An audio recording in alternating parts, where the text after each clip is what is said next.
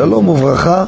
היום נלמד הלכה מדיני ברכת המזון בשילוב הלכה מדיני ביומו תיתן זכרו.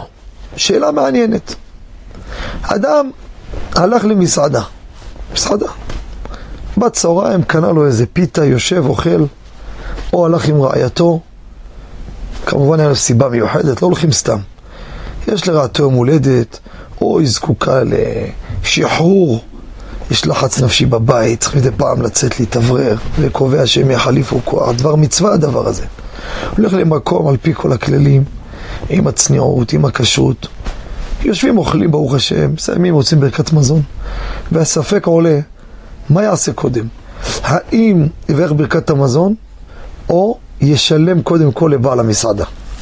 שהרי על אוכל אין יומו תיתן שכרו, זה לא שכיר, אבל כשאתה במסעדה, יש פה גם שכירות של המקום, כלים, מקום, השולחן, הפועל, זה שמלצר משרת אותך.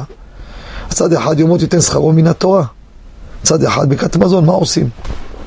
הכלל הוא בעבר אמרנו, אם לא טבע הבעל הבית, הפועל את הכסף, אין פה יומו תיתן שכרו. זאת אומרת, אם בוא נגיד שלם לי, דרך כלל במסעדה, גם אם הוא מביא לך פתקית, זה לא הכוונה תשלם, אתה יכול להמשיך לשבת. רק שתדע, שאתה גומר, גם עד שאתה לא רומז לו, הוא לא יביא לך את הפתקית. אז גם כשהוא מביא פתקית, הוא לא תובע תביא מיד. אין בעיה, אתה עוד פה.